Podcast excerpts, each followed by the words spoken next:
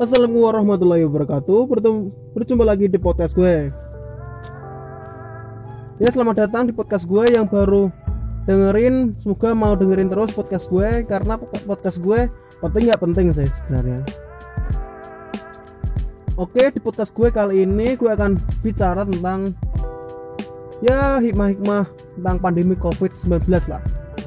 Seperti yang kita tahu di negeri kita bahkan dunia yang diuji oleh Tuhan Yang Maha Kuasa melalui virus yang sangat menyakitkan yaitu virus COVID-19 atau bahasa kedokterannya virus corona. Kalau kita lihat virus corona membuat banyak orang jadi stres ya.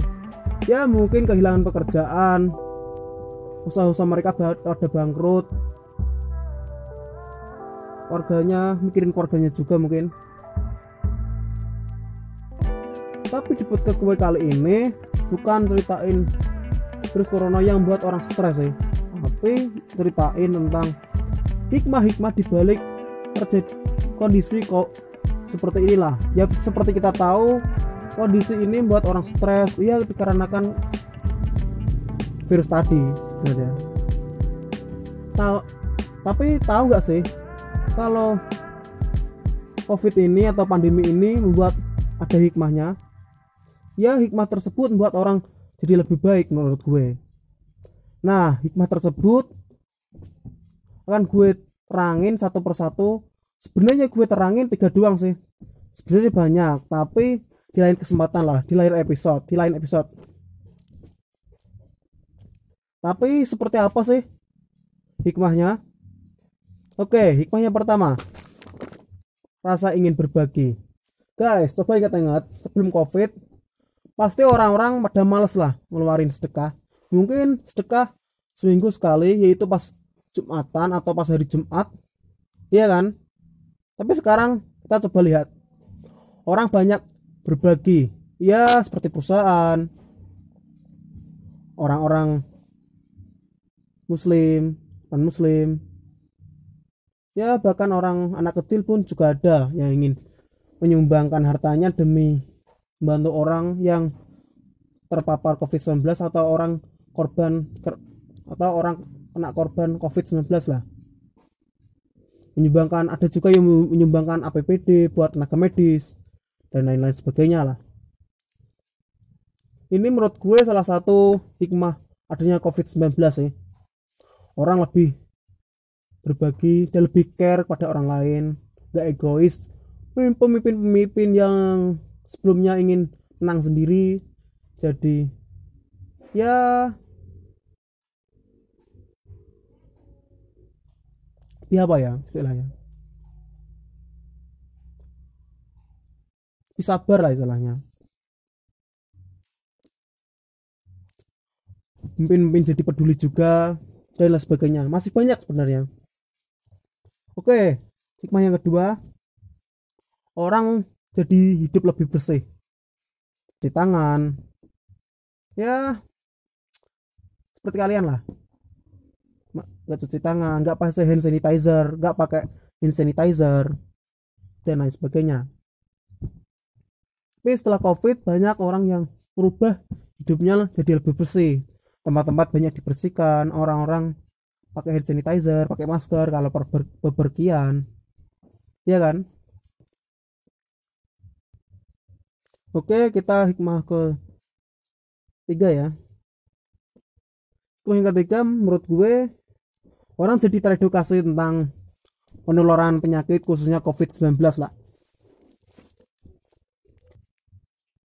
Media ya banyak media yang memberi informasi tentang penularan penyakit khususnya COVID-19 lah. Ya kan? Seperti TV, radio, bahkan digital semua memberi informasi tentang penularan penyakit tersebut. Jadi gue mungkin orang lain jadi tahu atau paham tentang penularan penyakit tersebut. Karena apa? Mereka membuat kemasan yang sangat unik yang sebelumnya media tersebut seperti TV dan lain sebagainya tidak mem, tidak pernah memberi informasi seperti itu. Jadi membuat hikmah adanya COVID-19 ini menurut gue ya masyarakat jadi teredukasi lah tentang penularan penyakit Oke, udah paham kan? Ya itulah tadi hikmah-hikmah COVID-19. Semoga kita bisa berjumpa lagi di podcast gue selanjutnya. Sampai jumpa.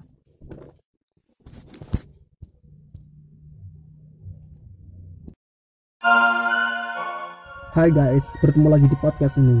Guys, pasti tahu dong tentang produk air minum Aqua.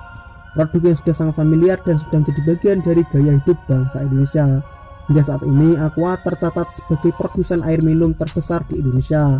Tapi tahu gak sih guys, bahwa sosok pendiri Aqua harus berjuang keras untuk membesarkan produknya yaitu Aqua sampai sekarang ini. Nah, di podcast kali ini gue akan ceritain perjuangan pendiri Aqua seperti apa sih ceritanya intro terlebih dahulu.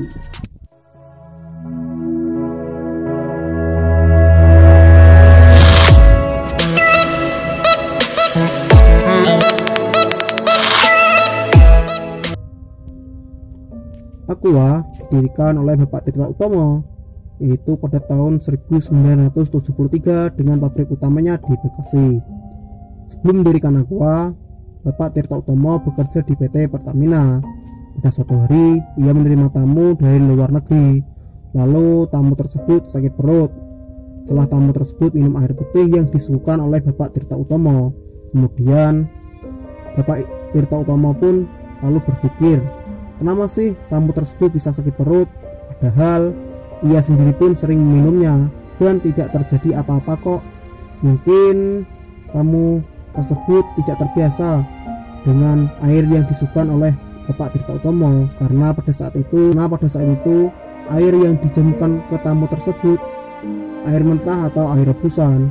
Dari situlah muncul ide untuk membuat perusahaan air minum di Indonesia dan Bapak Tirta Utomo pun yakin bahwa ini menjadi peluang besar karena karena pada saat itu pabrik minuman di Indonesia belum ada. Demi mewujudkan idenya, Bapak Tirta Utomo rela keluar dari pekerjaannya yaitu tadi bekerja di PT Pertamina hingga pada akhirnya beliau menyuruh adiknya untuk magang di perusahaan Polaris yang tepatnya berada di Thailand. Polaris sendiri merupakan perusahaan sendiri merupakan perusahaan air minum yang usianya sudah 16 tahun untuk belajar tentang produksi air minum dari awal sampai akhir.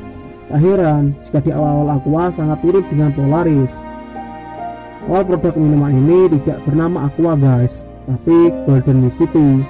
Tapi seorang mentor bisnis menyarankan untuk merubah namanya karena nama tersebut rasa asing di telinga masyarakat Indonesia hingga akhirnya mentor tersebut memberi nama produk airnya yang bernama Aqua yang dalam bahasa Latin artinya air. Perkembangan aqua bisa dikatakan sangat buruk di awal-awal sampai mengalami penurunan drastis sampai 3 tahun karena pada saat itu masyarakat Indonesia belum sadar betapa pentingnya minuman air bersih dan itu dia juga dikritik oleh sebagian orang karena dia menjual air minum biasa saja yang notabene orang pasti mempunyai air tapi dengan kecerdasan Bapak Tirta Utomo ia kemudian buat strategi yaitu dengan menaikkan harga produknya. Alhasil, produk Aqua pun laku keras. Loh, loh kok bisa laku keras? Padahal dijual murah aja nggak ada yang beli. Sebenarnya dia menaikkan harga tersebut bukan untuk mencari untung, tapi untuk menaikkan citra yang tadinya untuk kalangan menengah ke bawah menjadi kalangan atas yang menikmati. Aqua pun terus berkembang hingga tadinya hanya dinikmati kalangan atas saja tapi juga kalangan bawah kemudian berkembang lagi setelah menjadi sponsor olahraga hingga saat ini. Aqua pun sudah menjadi hidup masyarakat Indonesia. Itulah cerita tadi semoga menginspirasi. Terima kasih dan sampai jumpa